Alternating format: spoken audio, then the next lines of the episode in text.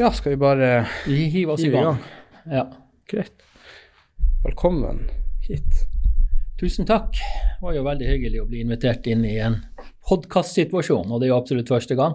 Du er perfekt. Det er jo fint å gjøre noe nytt. Ja da, det er jo et medium som Eller en, en plattform som eh, svært mange benytter seg av, og er jo også en fin måte å, å snakke litt om det meste. Så eh, det skal bli spennende. Og Podkast er jo faktisk en av de mediene som er mest groende nå i de siste årene. For at det, det som er fint med podkast, er at du får faktisk bli litt kjent med dem du snakker med. Og det er ikke sånn at når du er på radioen, så får du en syvminutts eller femminutts Og da er du heldig. Ja, ikke sant. Og da er det Skal du få frem et komplekst budskap, eller skal du bli kjent med noen på de fem minutter? Det blir jo bare en fem minutt pitch, egentlig. Ja. Nei da, jeg syns det her er spennende. Så jeg lytter jo også og abonnerer jo på podkaster sånn, eh, på politikk, da, men også innenfor en del fag og eh, sånne områder. Så jeg syns det er spennende. Ja, jeg, synes, jeg hører egentlig også bare på podkast. Eller podkast og lydbøker og musikk. Det er fritida jeg bruker å gå i. Ja, nei, det er jo en fin eh, tidsfordriv på et fly. Og da er det alltid det at jeg har eh, en podkast på øret eller to. Så jeg liker jo også mange av det som NRK har i forhold til krig og fred, blant annet. Kongerekka. Spennende. Litt historie. Så det er mye interessant man kan ta tak i hvis man eh, vil. Mm. Så eh, hva, eh, hva du styrer med nå om for tida? Nei, nå er jeg jo pensjonist, og har jo vært det eh, kan man si kanskje to år snart. Eh, Så tida mi den går jo stort sett til Jeg har jo en del hobbyer, da, som jeg enda holder på med, bl.a. politikk. Så er jeg jo eh, lokallagsleder for Alta Arbeiderparti. Sitter også i styret i Finnmark Arbeiderparti og er kommunestyremedlem. Så eh, sånn sett så går jo tida til til eh, politikk, men ikke bare det. Man er jo privatperson Kåre òg. Og det er jo blant annet eh, Jeg har jo en hobby som altoppslukende, det er jo golf. Ah, ok, så, ja. så vi er jo et fast eh, guttegjeng på 70 år i snitt som møtes i hver tirsdag-torsdag i golfsimulatoren ute på Kvenvik. Og der Mm. løser vi livets utfordringer og ikke minst eh, politiske debatter. Og vi får høre hvor, hvordan verden står til, og ikke minst hva man kan gjøre for å få finne løsninger. Løsningene har vi jo. Så det, nei, det er spennende. ja. Golf. Jeg har hørt at golf er veldig avhengighetsskapende. Ja, den er det. Så jeg jo kommet i den situasjonen at, eh, at eh, det går for mye tanker, og så er det mange som mener at man bruker altfor mye tid på det når man en gang skal gå der. Men samtidig så er det jo utrolig Du konkurrerer jo med deg sjøl. Og så er jo den, det er faktisk en sosial arena òg. Så går du en to, tre, fire stykker, så, og, så får du jo prata om, om masse ting. Og det er jo også litt spennende at du kan møte folk som du aldri har spilt med før. Som du rett og slett ikke kjennes, kjenner. Og det opplever vi jo til stadighet når vi om sommeren da reiser rundt i, i Norge og i Norden. da. Og så spiller vi mot folk som vi aldri har verken sett eller spilt sammen med før, og alltid er det hyggelig.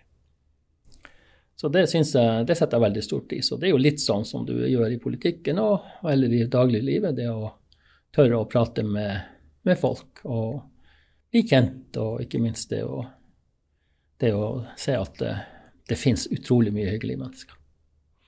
Jeg husker jeg så på sånn her eh, YouTube en sånn her sammenligning av alle Tiger Woods sine som beste slag. Det var ganske mange der som så ut som at det var noe magi involvert i de her slagene. Ja, den magien har jeg ikke. Det kan jeg skulle beskrive. Så. Men dog så prøver vi hver gang, og neste ball vi slår i håp om at nå skal det bli en liten eh, Tiger Wood. Men uh, det blir det bare en kåre, og du klarer nå å komme i mål, inn, altså få ballen i, i koppen da, i løpet av en, kanskje ett til to slag over det som forventes på, eh, på, på, på golfbanen. Ja, hvis jeg hadde greid å truffe ballen, så hadde jeg vært fornøyd. Det var faktisk mye vanskeligere enn jeg trodde, det å treffe ballen ordentlig. Og det gikk eh, Må vel si at man har brukt en del barnskapsord på, på eh, hvorfor i all verden starta man her, men så fikk du da de første slagene som, som gjorde at uff, det fins et håp også for meg. Og siden har den utvikla seg, så, eh, Nei, jeg synes det, det, det, er interessant, og det er flott, og det er en sosial eh, arena, og ikke minst nå når man er pensjonist, og det å treffe folk. Og, ikke, også det at vi har eh, det guttegjengen, som jeg sier, på 70 år, at vi møtes så titt som vi gjør. Mm. Så eh, det er noe som jeg ser fram til hver, hver tirsdag. Så er det jo også ganske stimulerende, for du står jo også og rører på deg, og da er det litt bedre egnet for samtaler, kanskje? Ja, ikke minst. Og så er det jo noen som tror at det her er en sånn latmannssport, men du går nå en fem-seks kilometer hvis du skal spille ni hull, og går du, spiller du 18, så er du over en mil. Så du har ikke sånn golfspill? Nei, nei, ikke. Men uh, heldigvis for dem som er litt uh, eh, handikappa og har uh, problemer med å gå, eller andre ting som plager dem. Så skaffer de seg en uh, golfbil, og da får de utøve den sporten de også er glad i. Så, så uh, golfbil er ikke for, bare for latmanns for å være lat, men det er også til hjelp for dem ja. som spiller. Så vi har, mange, vi har et par kamerater som, som, har golfbil, nettopp fordi at de har en del diagnoser som gjør at uh, det er litt vanskeligere å gå. Sånn. Så, så, det er veldig bra at det, det finnes til. Men hvis vi spoler tilbake til begynnelsen av din arbeidskarriere. Oh, ja. Hva var som skjedde da? Nei, Nå er jo jeg voksen opp i et um, hjem med jeg var syv søsken. Og uh, pappa jobba oppe i Skiferfjellet, så vi begynte jo allerede som syvåringer å dra opp til Skiferfjellet. Det var ikke nødvendigvis at vi produserte så mye, men det var liksom at du kan jo rydde litt rundt, sånn at det ble lettere for pappa å jobbe. Og så fikk du eh, lære den, eh, gjennom livets skole det å ripe litt og sette, klippe litt, og etter hvert så var du en, en eh, ganske fullbevarende skiferarbeid. Men sånn når jeg var 14-15-16 år og ferdig med ungdomsskolen, så jobba jeg på heltid oppe i Skiferfjellet i to mm. år. Før jeg igjen da begynte på uh, gymnaset, som det heter da. Og så var jeg tilbake igjen i Skiferfjellet. Det er veldig tungt arbeid. Eh, det, du lærer deg teknikker. Det er, jo, eh, det er jo mange som ser hvordan, at du har en jernslegge i handa og en jernkil i den andre handa, mm. og klarer å spalte opp skifen og produsere eh, varer etter mål og, og, tjene litt penger. Og så er det jo sånn at sitter du på ræva en halvtime, og så tjener du ingenting. Men gjør du noe rundt skiferblokka, så tjener du penger. Så, så, du lærer å bli en veldig selvstendig Eh, arbeider på, på, den. Og så er du jo ute i frisk luft. og, og eh, så jeg må jo si at de årene jeg har hatt oppe i Skiferfjellet, har jo vært eh, fantastisk. Men det var jo også de årene på slutten da, som gjorde at jeg begynte å tenke på om jeg skal få til å gjøre noe mulig, noe annet. Så i 1979 så begynte jeg med EDB, som det heter da. Ja, hva, hva det er det? er jo IKT, eller datamaskin. Ja. Av datamaskin. Det heter elektronisk databehandling, og jeg hadde jo da ja. et brevkurs i, i, i, i, programmering. Men jeg søkte i hvert fall en jobb på noe som heter Finnmarksdata i den tid. Og uh, fikk jobben, og da slutta jeg i Steinberg en fredag, og så begynte jeg på, uh, med datamaskiner og, og uh, data i, på mandagen. Og det var jo en overgang fra jernslegga og jernkil til å bruke tastatur og, og, og skrive og, og, masse nye ord og nye begrep som kom inn der. Men ja, likevel, det var i hvert fall starten på min eh, karriere innenfor eh, IKT. da. Og så ble man jo litt nysgjerrig også for, på hva kan man gjøre. Og så lærte jeg å programmere veldig enkelt, men det første jeg fikk til, det var å skrive 'Jeg heter Kåre Simensen'. Ah. Og så var det med Begynner å legge inn variabler. ikke sant? Du kunne si hvor mye penger du har, tjener, og hva skatteprosent du har. Og så beregna du nettolønna. Og sånn utvikla det seg hele tida. Og etter at jeg hadde jobba der i tre år, to år, så uh, ville også kona mi ta videreutdanning. Og uh, hun ville bli sykepleier. Og da var det ikke så veldig mange alternativer. Det var Hammerfest eh, det nærmeste, men hun hadde en tante i Bodø og en søster på Gjøvik. Og da ble det at vi valgte Gjøvik, så vi flytta fra Alta. Vi hadde to barn allerede da. Mm. Og mens vi bodde der nede, så gikk jeg på forkurs eh, matematikk på Ingeniørhøgskolen. Fordi at jeg hadde jo glemt masse siden eh, gymnastida i 1975-76. Og da um, var det jo veldig greit å få det repetert, for det er jo matematikk stort sett eh, og, og en del sånne begrep som var godt å få på plass igjen. Og da eh, fikk jeg plass på Ingeniørhøgskolen fra den høsten 82, og gjennomførte da Det heter da EDB-ingeniør, eller det er vel IKT i dag, og var veldig fornøyd med den, at jeg var klarte å gjennomføre det på en tilfredsstillende måte. og fikk jobb, og da fikk jeg jobb i det som da gang heter Sparebanken Nord, altså Sparebanken Nord-Norge i dag. Og uh, begynte da med databehandling her også. Men uh, det ble nok ikke helt sånn som jeg hadde drømt om. Fordi at det ble veldig statisk, og det ble en driftsjobb, og jeg hadde ikke lyst til å gå den veien. Og, og uh, så jeg ble vel sånn at jeg søkte igjen på skole, og da fikk jeg meg en utdanning innenfor økonomiadministrasjon i tillegg til den databakgrunnen som jeg hadde her nede på høyskolen her i Alta. Mm. Så det var jeg helt frem til 1990, og da starta jeg min egen databedrift. Men når du jobber på Sparebank Nord Heter det da, ja. ja. Hva hadde de akkurat eh, begynt med datamaskiner i ja, da, vi, hadde, vi var helt selvstendige med stor, vi kalte det for stor datamaskindrift, og vi hadde ja. kjølerom og det var to, to svære diskstasjoner. Til sammen var det 400 megabyte disk. Vanvittig. Vanvittig. I dag så får du ti ganger du har fått i lomma, ikke sant? Så, men det var stort, da. Og, eh, og, så fikk vi også de første bærbare datamaskinene i den tida der, og det var Det husker jeg at det tror jeg vi kjøpte i 85. Kosta vel borti 30 000, og det var en diskettstasjon. Okay. Og så uh, gikk det litt utvikling der, og så fikk vi kjøpt en sånn tilleggsdisk på hele 10 megabyte. Tenk, 10 oh. megabyte. Da hva i all verden skal du med så mye 4G eller 5G da? Nei, det var ingen som hadde hørt, verken hørt eller drømt om annet enn en, en fasttelefoner. Men, men, men, men, vi var jo sånn at tenk å ha 10 megabyte disk mm. på en bærbar datamaskin. Men eh, det var nå så. Det var nå sånn det sånn, lov, eh, sånn sett så har jeg jo vært heldig at jeg får lov til å følge utviklinga.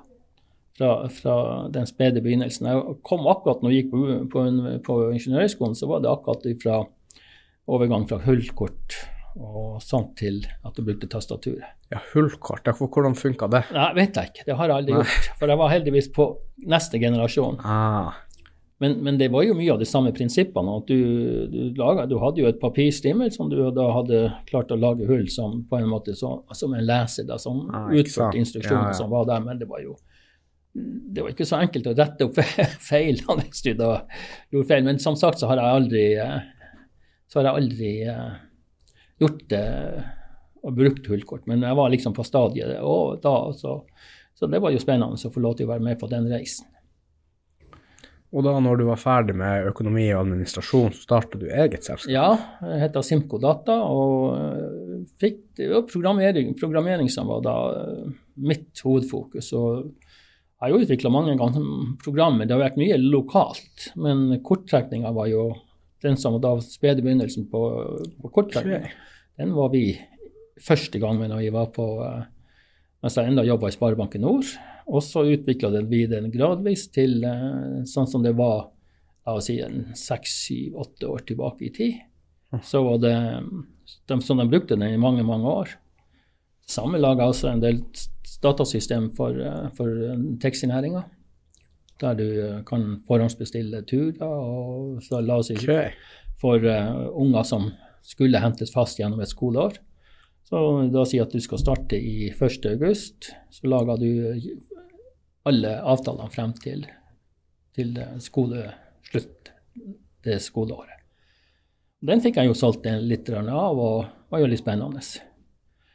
Så, eh, så det, var ikke, det, var ikke, de store inntektene fra den, men eh, desto så var det jo litt artig. Så det var jo sikkert sånn som du har opplevd, at du hadde en del eh, søvnløse netter. Du skal jo betale en regning dagen etter da. Ja, ja. Og du skal jo ha lønn, og du skal ha hele denne pakken. Så det har vært uh, mye motgang. Og, og uh, noen ganger så har du vært, liksom, følte du at det var du var, at det her var Nå kan du leve litt og kan ta deg en anstendig lønn, og alt sånt, men det ble aldri det store. Fordi at eh, jeg ble jo politisk aktiv på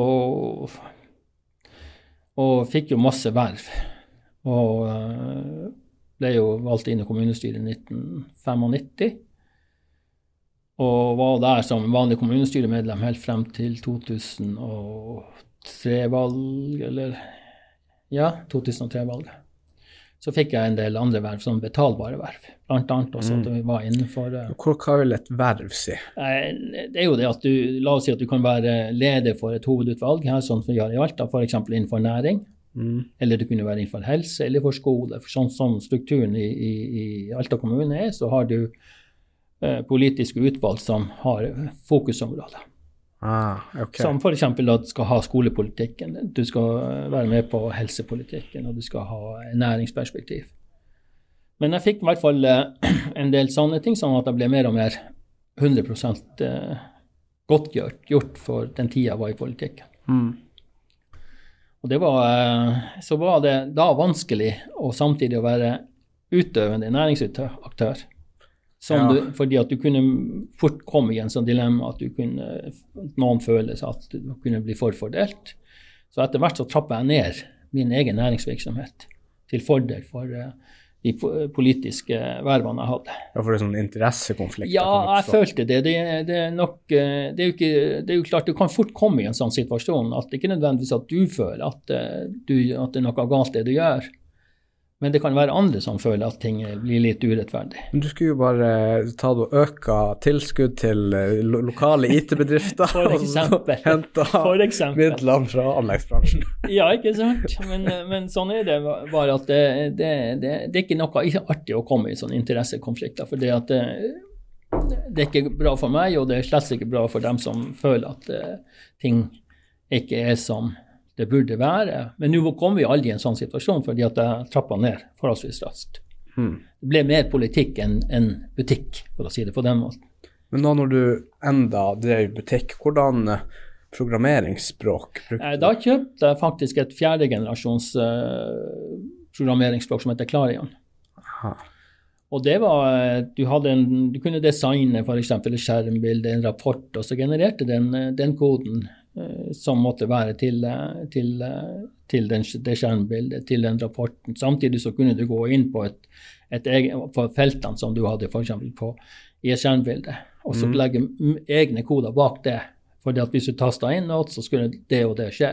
Ja. Så det er laga sånn stand, forholdsvis sånn enkel programmering, men du hadde muligheten til å gå inn i kildekoden og gjøre det du det som var nødvendig for å tilfredsstille de kravene en kunde måtte ha. Så var det en type sånn visuell bygger først? Ja, ja, ja, for å, å generere koden. koden. Altså, det er jo mye sånn standard, ikke sant. Mm. Og jeg syns det var ja, utrolig Ja, det ble veldig bra. Og så utvikla så det språket også seg, at du gikk gjennom en sånn fra jeg vet ikke om du husker noe begrepet DOS, diskoperativsystem. Ja, jeg husker DOS.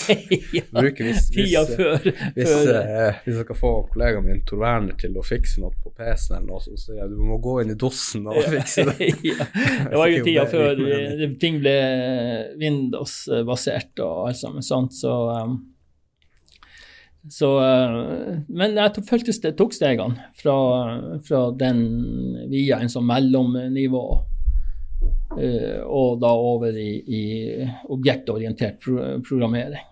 Sånn at uh, de siste versjonene av de her programmeringsverktøyet, det var særdeles avansert. Så det, da kunne du, Før var det jo ofte sånn at du hadde enkel, bare én bruker av et, et, et, program. sånn at det liksom, Før du begynte å tenke nettverk mm.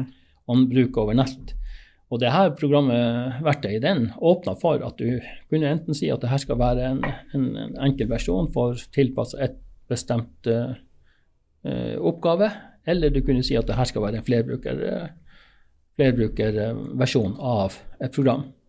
Sånn at mange kunne sitte på og jobbe mot det samme programmet.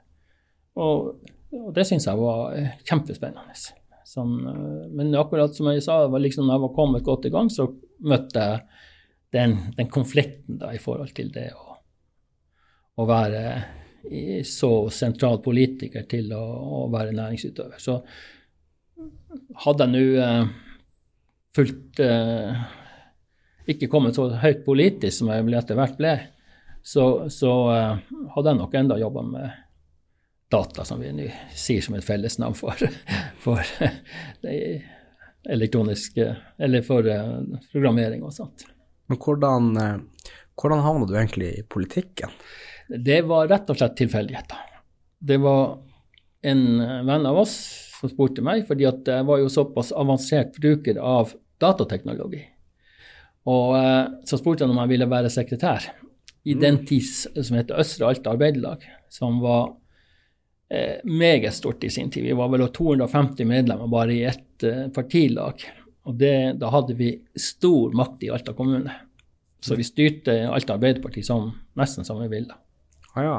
Så, så, eh, men eh, det var jo ryddig, da. Men dog så hadde vi jo klart å skaffe flertall for ting som uh, vi mente burde bli vedtatt. Men allikevel, det var nå i hvert fall det, også der det datakunnskapene mine som førte meg inn dit. Og jeg husker jo når jeg gikk fra Arones og opp til uh, Alta rådhus, der det første møtet der de skulle, Et årsmøte da, i 1993 der de skulle velge meg som kasserer. Så når jeg gikk opp eh, Holsbakken og hadde følelsen av at det her blir spennende En skikkelig opptur, bokstavelig talt. Ja. Kommer opp i møte og blir valgt eh, til eh, sekretær og tar ordet for første gang for overfor eh, 100 medlemmer. Og du verden, det var en uh, traurig opplevelse. Så når jeg da gikk hjem, så ble det en den nedtur. Hva i all verden er det jeg har sagt ja til? Så det var Uff, for en følelse. Det var, uh, nei, det var ikke bra. Hva, var overveldende? Nei, det var uh, når jeg hadde tatt ordet Ja. og sto foran masse Ja. folk og ikke fikk tunga med meg. Ah, ja, sånn. Ja, ja, det var helt, Ja, ja. eh, helt jævlig, Det er for å si det. ja. Nei da, det det, det, var, det, var ikke, det var ikke bra. Men uh, heldigvis uh, så ble vi jo litt mindre uh, folk samla rundt i medlemsmøter og andre ting, sånn at sakte, men sikkert så erfarte man og lærte man litt det, og, og ikke minst beherske det og, og tørre å ta ordet for overfor andre enn kjerringer og, og unger. så, så det bygde jo opp en selvtillit til, til at du Det her gikk bra. Men det er jo ganske bra læring, egentlig, å stå der og liksom ikke greie det, for at da husker man hvor jævlig det var, og da er man enda mer forberedt Ja. til neste gang. Ja, så det, så jeg det er all respekt til alle som eh, tar eh, reiser seg opp og tar ordet eh, første gang i en forsamling. Jeg vet i hvert fall at det syns jeg var noe av det tøffeste jeg har opplevd i, i, i, i politikken. Men det var jo mer på, på at jeg var så utrygg. Men i hvert fall at det er viktig da å gi den nødvendige tilbakemeldinga til dem som da gjør det for første gangen, og backe dem opp og bygge dem opp og, og gi dem den nødvendige tilliten til at uh, det her klarer vi. Og de aller, aller, aller fleste klarer det. Men det er litt som i alt annet. Du skal øve litt, og du skal trø litt feil, og du skal bli litt upopulær, for det gjør man som politiker. Men så er det jo også av og til med å bidra til, eh, til eh, gode politiske beslutninger. Det er jo også en, eh, litt interessant. Men så var jeg jo da i ti år lokalt her i Alta i, i politisk ledelse, og så etter hvert så fikk jeg også forespørsel om jeg ville stå på fylkestingslista til Arbeiderpartiet, altså fylkestinget. Det er et nivå over kommuner. Mm. Og gjorde det, og fikk utrolig mange stemmer med meg inn. Sånn at jeg ble, fikk vel den som var da, hadde flest stemmer bak seg når vi kom inn i kommune, fylkestinget i Vadsø. Ja. Og der fikk jeg også et sentralt verv. Der ble jeg da fylkesråd for eh, næring og samferdsel og kultur. Det var jo utrolig spennende. Det som var forskjellen fra å jobbe på kommunalt nivå, det var da at du var på fylket. Og da hadde du 19 kommuner å forholde deg til istedenfor mm. den ene kommunen og interessekonfliktene som kunne være mellom øst og vest i Alta, eller sant. Men eh, da hadde du 19 kommuner å forholde deg til. Og jeg syns det var to spennende år.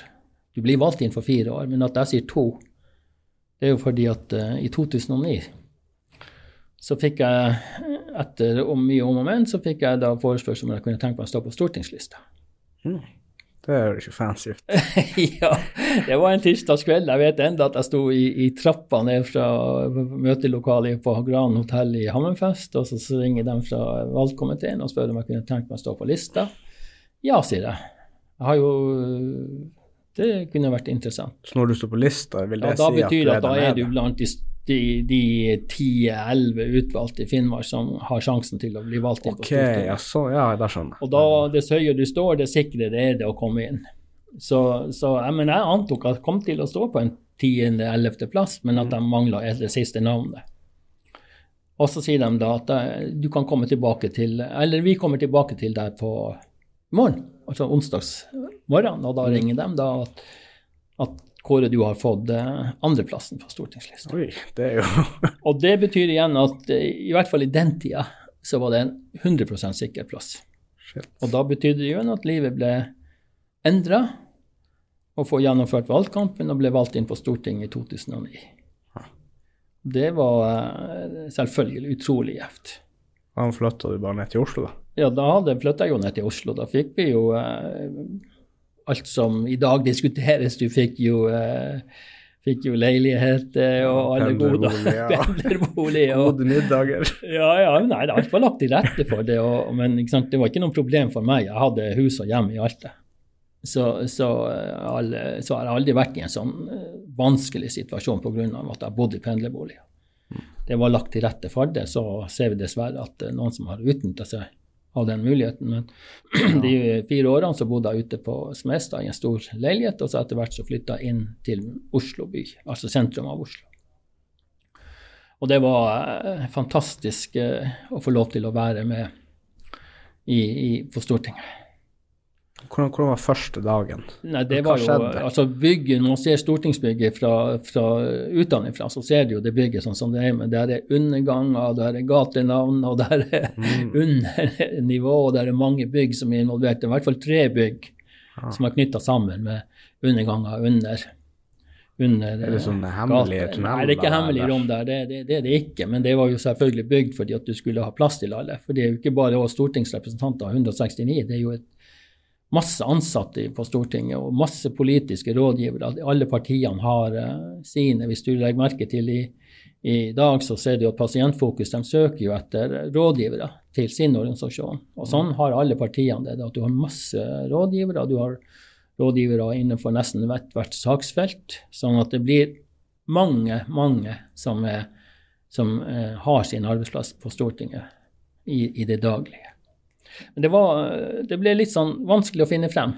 Så det er noen som liksom, om, om jeg har noen gang møtt veggen Ja, jeg har gått rett i veggen, for jeg stoppa gata, og, og jeg visste ikke hvor jeg skulle, hvor jeg skulle gå videre. da.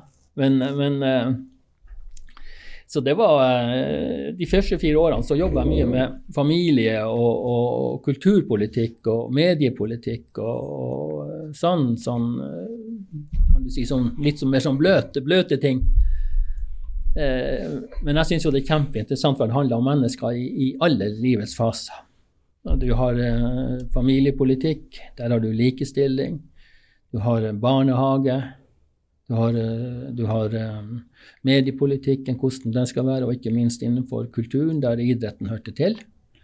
Så de som begynte Blant annet så var jeg jo også ansvar Jeg var sånn mediepolitisk talsmann for Arbeiderpartiet. og og hadde også ansvaret for å få gjennomført DAB. Så, oh, ja, okay. så de som har bantes litt på, på, på overgangen fra det analoge data- eh, radiosystemet til det, det digitale, de, Jeg har vært med på det, for å si det sånn. Jeg har vært med å bidra til det og har forsvart det i, i all sin eh, prakt, fordi at jeg syns det er fantastiske muligheter som er i dag i dagens eh, digitale radiotilbud. Og så er det jo sånn at det, det møter jo litt motstand, men debatten rundt eh, ikke DAB, ikke DAB, den er jo over, føler jeg i hvert fall nå. Men, men jeg syns jo det er litt interessant at den eh, var der. Og, og eh, fikk jobba mye med den og lært masse.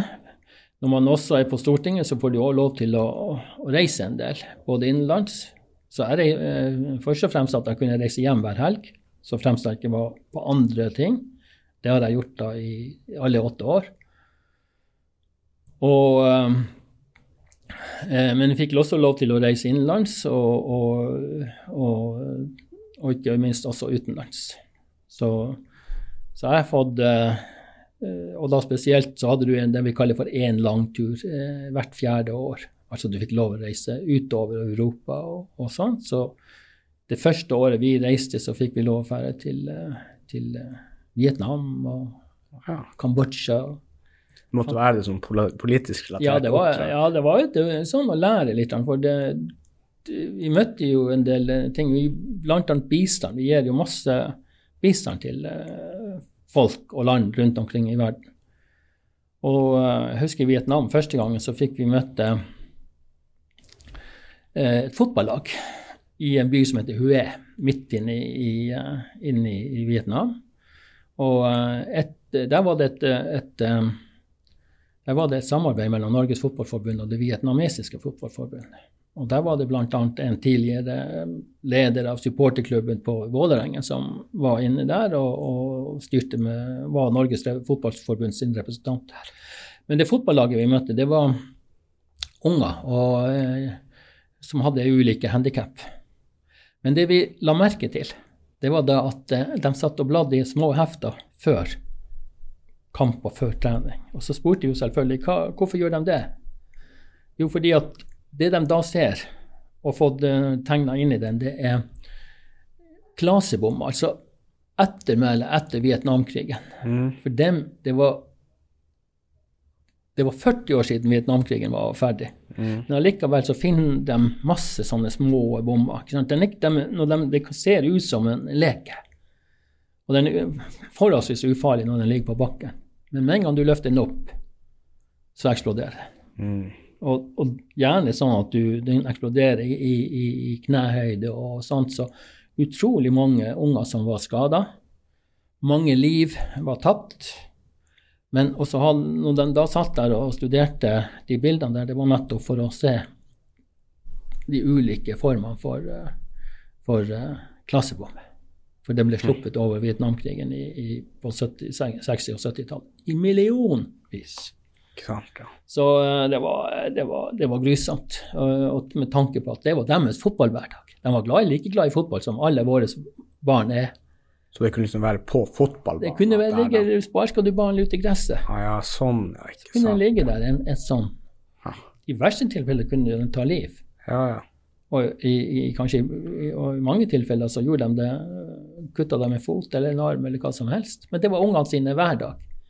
Og det er så langt ifra de tankene vi har på våre barn, når man tenker sikkerhet og trygghet i hverdagen. Men det var deres hverdag. Liksom å sitte og tenke litt på det. Det var, det var Jeg syns det, det var utrolig sterkt. Og eh, samtidig så fikk vi, etter at vi har vært der, så fikk vi lov til å fære ut i, i jungelen. Fordi at det som var i, i Vietnam og mange av de landene, fattige landene der, det var at eh, hadde ikke du jobb der du bor, så flytta du inn i en storby. Men da flytta du ikke inn i en sentrum, da flytta du ut i, i, eh, i, eh, fattigdommen, ute i, utkantene av byen. Så her hadde da det regionale nivået på, på, i Vietnam de hadde laga sånn at man fikk skapt små arbeidsplasser sånn at de sikta at, at uh, ungene eller de folk blir boende der de bodde. Der hadde de tross alt hus. ikke sant? Så fikk de et lite innkom til å skaffe seg mat og alt sånt. Sant? Men det var nå tross alt en trygghet. Så møtte vi noen ungdommer der i et hus, jeg og en som heter Solveig Horn. Hun forresten vært også i regjeringen, forrige regjering. Og der møtte vi en enke med to, eh, to uh, ungdommer, tenåringer. Og vi pratet med dem. Og så, så hvor interessant det er å sitte og høre på drømmene til ungdommer. Hvor like de er, hvis vi sammenligner dem med våre barn. Akkurat de samme drømmene. Men så er det sånn at for mange av de der som er så fattige, så blir det drøm. Og, blir, og et håp om å nå dit, som sjelden blir oppfylt. Mens våre ungdommer, ikke sant, bare med videregående skole, drop-out Alle mulige er lagt i hendene. Så er det mange som sier 'jeg gidder ikke'. Og der var det er en, nesten en kamp om livet. fordi at var, De hadde lyst til å bli lærer, de hadde lyst til å jobbe i Mattilsynet. de hadde lyst til å, Det, det var drømmene deres. Og så var mm. sjansene for å nå så langt så små. Paradoksene. Det at uh, den og Nei da, det, det, var mange sterke opplevelser på, på, på de der uh, på de turene der. og når jeg siste fire årene så satt jeg i utenriks- og forsvarskomiteen, og de reiser veldig mye, og det gjorde vi. Så vi var jo i, i, i USA, og der møtte vi Vi var i fire dager etter at han, han, han Trumf var satt inn. Og så møtte vi en tidligere presidentkandidat som het John McCain. Ja. Liten en, men, men, men allikevel en autoritet autor, ut, som er veldig autoritet rundt han, en aura ja. rundt han. Altså, du skjønner når du ser han og du prater med han om, om eh, Det var ikke han som var eh, eh, motstander til Obama? Ja, han var som der. republikaner. Ja. ja. For når vi var i Vietnam også, så var vi i et fengsel, eller et museum, da. Og John McCain ble skutt ned over Vietnam. Ble han, skutt i Vietnam? Med flyet. Med, han, oh, ja, okay, så hans uh, flyverdrakt den hengte i det museet. Når vi da kom dit til USA uh, et halvt år etter, så fortalte vi det. At vi hadde sett hans flyverdrakt der. og Vi kom i en fin dialog. Han inviterte oss inn på kontoret. og for, og kalte det kontoret han bodde på inne i Capitol Hill, det, det kalte han for The Losers Office. fordi at svært mange av de som hadde vært presidentkandidater men hadde tapt, fikk det kontoret. Ah, sant? ja, fantastisk. Så, og uh, jeg fortalte jo da om at jeg kom jo fra Finnmark, og vi bodde sånn forholdsvis nært russegrensa. Og vi har den omgangen vi har med russerne. Vi har et helt annet forhold til Russland enn en f.eks. folk sørpå og andre deler av, av, verden. Fordi det er jo vårt naboland. Og folk-til-folk-samarbeidet f.eks. som fungerer veldig godt. Og alt det fortalte jeg om. Og det syns han var så interessant sånn i forhold til det at, at dem i USA så er det liksom Russland den store fienden.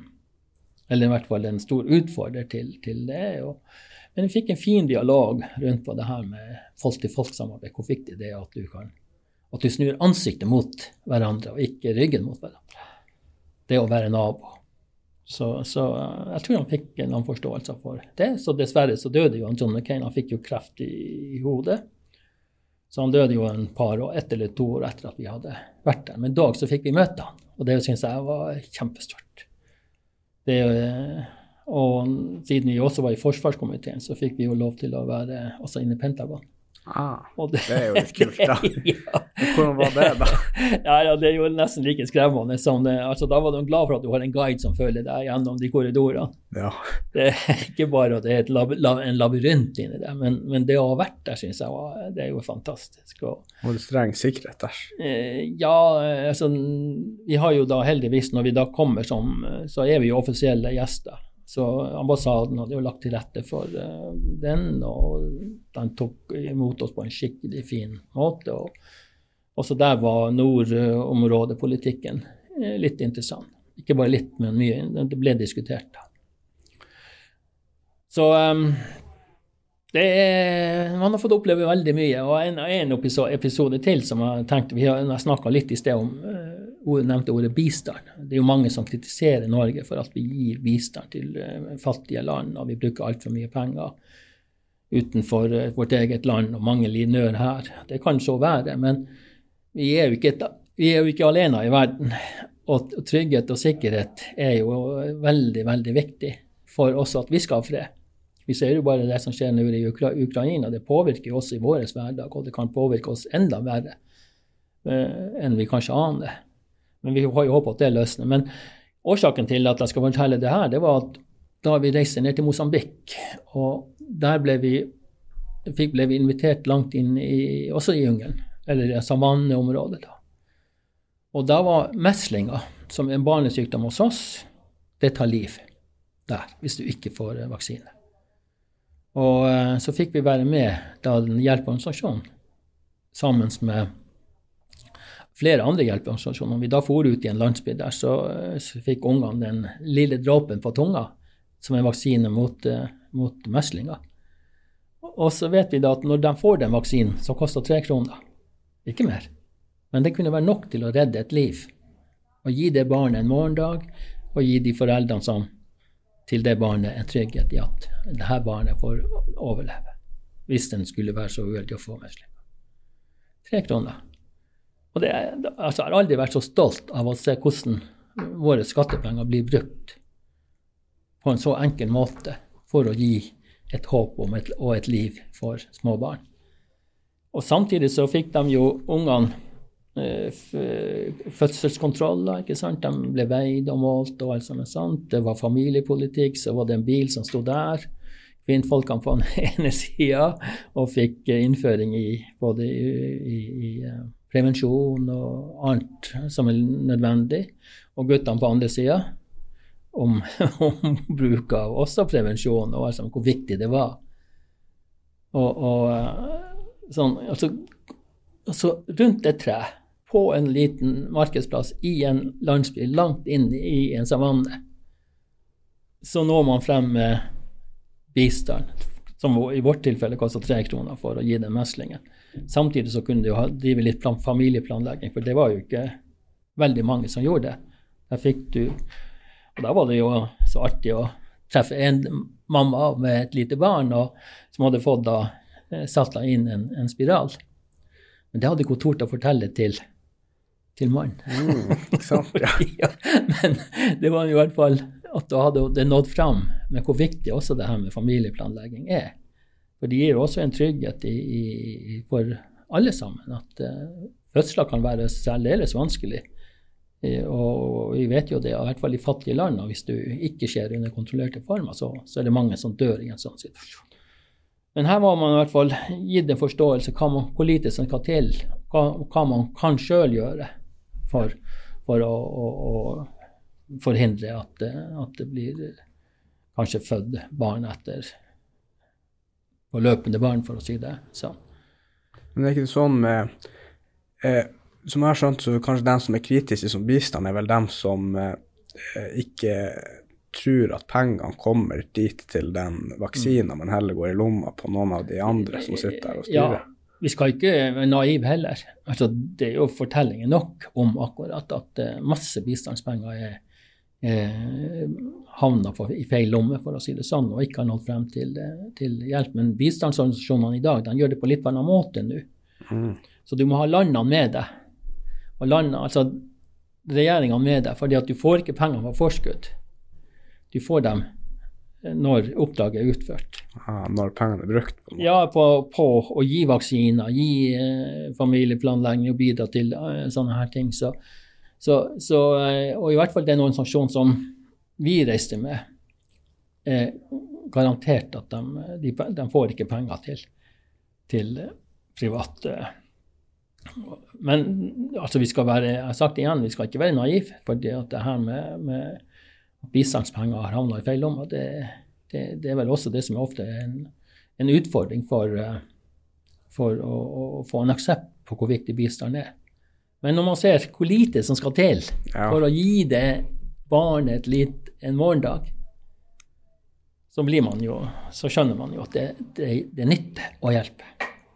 Er ikke han der Bill Gates, han har vel han er med mye på, av det sånn her malariavaksinen? Ja, da, han er med i den organisasjonen som, eh, som, eh, som, eh, som vi reiste med, da. Altså Han har vært en bidragsyter okay. til det, og den norske regjeringa har vært bidragsyter til det. og alt sammen sant? Så, så, og her det er jo dem som da legger føringer på hvordan, hvordan altså Du får ikke penger ukritisk opp av lomma. Her må du virkelig Eh, dokumentere at du har gjort det du skal gjøre for å få det.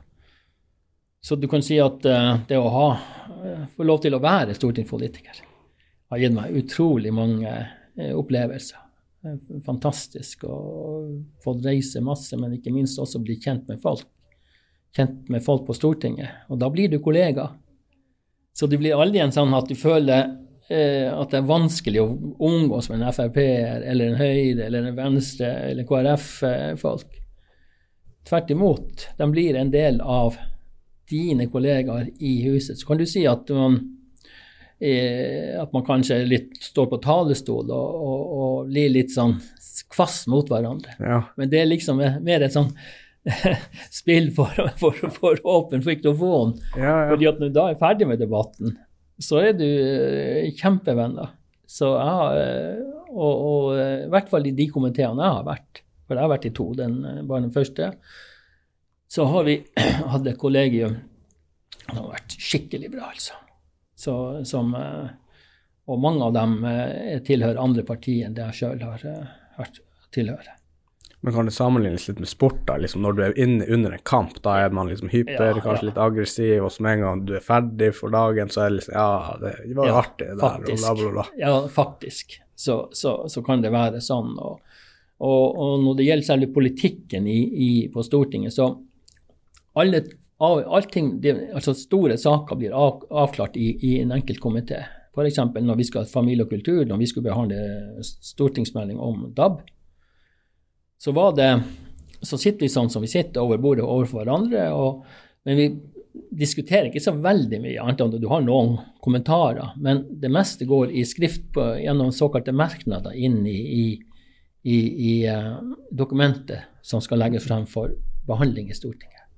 Men når man er ferdig i komiteen, så har man på en måte lagt løpet for vedtak, hvordan vedtaket vil bli i Stortinget. Så når du står i stortingssalen og diskuterer, så er det på bakgrunn av den, det du måtte mene om saken, og har du da et flertall for det, så er det helt uproblematisk. Da vet du også når vi skal stemme, så blir det sånn som, eh, sånn som eh, man har blitt enige om i komiteen. Mm. Så, så man kan jo mange som kan få en forståelse for at eh, det liksom i selve stortingssalen altså selvfølgelig noen ganger, men jeg har ikke opplevd at det er mange saker som har snudd, blitt snudd i, i, eh, i, i selve debatten i stortingssalen. Mm. Så eh, nei, det er veldig Jeg er jo glad for at jeg har fått og den tilliten til å få lov å ha den politiske reisen som jeg har hatt, gjennom at jeg gikk opp Holsbakken for første gangen til jeg landa på Alta flyplass ja, 20, 25 år etter, og takka for meg for, eh, for, for eh, Stortinget og alt sammen sånt, den tida der. Ja, men det er veldig kult, for det er jo ikke så mange politikere som havner på Stortinget. Nei. Det er ikke det er gjevt. og eh, vi stas. Ja, jeg syns det var veldig stas og, og, og følte ærefritt og, og, sånt. At du vet jo at du representerer masse, masse folk. Og det hadde jeg langt oppi her. Sånn at uh, mine sosiale utskeielser, de var der, men det var ikke det som prega mitt opphold i Oslo. Nettopp fordi at jeg hadde tenkt litt gjennom det her på forhånd. Det at du, eh, du representerer 75 000 mennesker Mm. og hilser du på folk, eh, la oss si at du hadde vært ute på byen, og det lukter alkohol fra, av deg, så gir du en utrolig dårlig tilbakemelding til de som har valgt deg. Ja, for det er veldig fy-fy hvis man er politiker og f.eks. Ja, altså, det, man, det, det, det, var ikke et problem, men, men det var jo noen som har vært i, i vanskelige situasjoner. Men hadde du tenkt litt gjennom det, så betyr det ikke at jeg eh, bodd i kloster heller. Man har jo selvfølgelig vært på byen, men det har aldri vært eh, Det har ikke vært hverdagen, for å si det sånn. Ja. Fordi det er lange dager. Du starter Jeg var alltid på, på, på plass rundt klokka åtte, og de lengste møtene jeg har hatt, det var klokka fire om natta.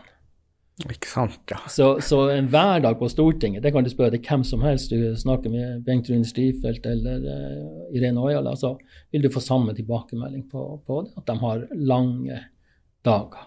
Sånn at du, så mange som tror at det er liksom et, at det er et, latmannsliv, men det er det ikke. Du, du, du, du har timer bak hvert eneste politiske hverdag. Så er det jo sånn at, at Arbeiderpartiet stemmer for seg, og, og får det flertallet der, sånn at du er en av mange. Det blir aldri Kåre sitt forslag som blir vedtatt, det er Arbeiderpartiet sitt vedtak i, i en komité med flertall, og sånn er det stort sett over det hele. Hvis nu du kunne tatt all erfaringa du har bygd deg opp nå gjennom alle dine år i arbeidslivet, og hvis du kunne gi deg et sjøl tips som en 20-åring med all erfaringa du har i dag Ja, hva skal jeg si? Jeg kan, bare, jeg kan jo bare sende tilbake til mine barnebarn som er i ferd med å vokse opp, og Ja. jeg har jo også to oldebarn som, eh, som eh, De er jo forholdsvis unge ennå, men, men eh, de kommer jo også til den dagen der de skal eh, Det er jo i hvert fall å ta sjanser når de byr seg. Og, og det har jeg gjort. Så selv om du møter masse motgang innenfor når jeg starta min egen bedrift, så, så, så uh, var det tøffe dager, men det var lærerike dager. Du kommer alltid styrka ut, selv om det måtte ha gått på dunken, så lærer du noe av også den delen av prosessen som du kanskje tar inn i neste gang du forsøker det. Og når det gjelder innenfor det politiske, så er det jo selvfølgelig å ha det engasjementet. Altså du må ha et engasjement for å, å, å uh, utsette deg for kritikk, for det er jo ofte det du får uh, høre på. Altså du får jo sjelden tilbakemelding s- Nei, men Kåre, nå har du vært flink. Ja, Men det er vel ofte sånn liksom. at dæven, du har vært en, en drittsekk. Ja, ja. så, så, men eh, det er vel sånn som at jeg, hva skal jeg si, det er liksom alt til sin tid. Men, men får du tilbud som du syns er veldig interessant, så grip sjansen. Det, det vil jeg Kanskje det tilbakemelding jeg ville ha gitt til de som Hvis jeg hadde snakka med en ty, eller med jeg møter han William som er ti år i dag, om ti år. Mm. Så, så bruk ta muligheten og, og, og grip den. Så, så um, Men klart at utdanning betyr jo òg veldig mye. Så du, I dag så fordrer det jo eh, kompetanse nesten innenfor hva som helst. Og, og ethvert yrke er jo en, i mitt hode et kompetanseyrke. Selv skiferarbeideren. Ja, Du må ha kunnskap for å kunne gjøre det. Og pappa brukte å si det sånn at eh, mange tror at skiferen er et dødt materiale. Men det er ikke uten grunn at du har ulike kraft i, i slagene dine når du skal dele opp en skifer. Fordi at du hører at den gir tilbakemelding om at den ah, løsner litt sånn. Ah, Og da hører føler Jeg altså. føler, ja, du, men den gir sånn, sånn du kjenner at den, den gir den, og da kan ikke du dunske med kontant hardt slag. Da må du kanskje være veldig følsom neste gang, fordi at den skiferen sier til deg at ta det med ro, jeg er i ferd med å løsne. Ja, ja. altså den kompetansen du har der, og sånn kan du gå inn på ethvert yrke. ja, absolutt. Sånn at, at du, og, og, lære, og det er jo også det her med å lytte. Det er jo også en, en ting som jeg godt kunne tenkt meg at man, man tenker litt gjennom. Og, og politikk, ikke minst. Å bare være enig er ikke en god utvikling. Du må tåle uenigheten. Det gjør meg bedre, det gjør deg bedre, og vi kan også tenke litt gjennom på våre egne standpunkt.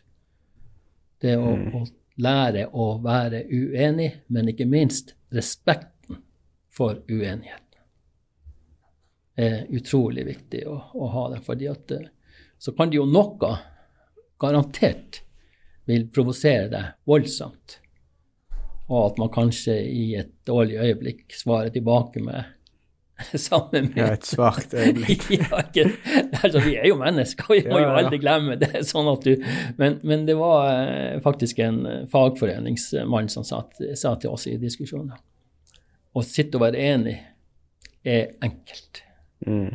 men utfordringa det er å takle og, og, og respektere uenighet. Jeg tror det er en perfekt avslutning på podkasten. Et godt råd til våre unge lyttere. Men ikke bare til de unge. Ja, ja, er Ethvert menneske. Ja, ja, Respekter uenigheten, sånn Ja. at eh, den, og vis respekt for den, ikke minst. Mm.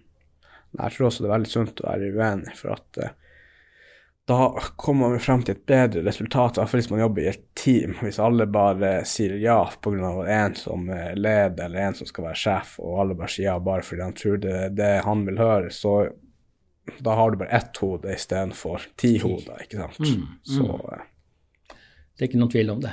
Mm. Men da sier jo jeg tusen takk for at jeg fikk lov til å sitte på denne sida av mikrofonen. ja, ingen problem, det var jo bare hyggelig. Det har vært en var fin veldig, time. veldig bra eh, historie og følelsesrik historie fra andre deler av verden. Ja, det, jeg vil jo tro at mange har eh, masse erfaringer, men eh, kunne tatt mange flere eh, opplevelser med som, som jeg syns har vært viktig å kunne formidle. Men jeg tar med ting som har fanga mitt hjerte langt, og, og som vi sa i sted, det var det at det hjelper å hjelpe. Det nytter å hjelpe. Perfekt. Ja. Flott. Ha det bra, alle sammen.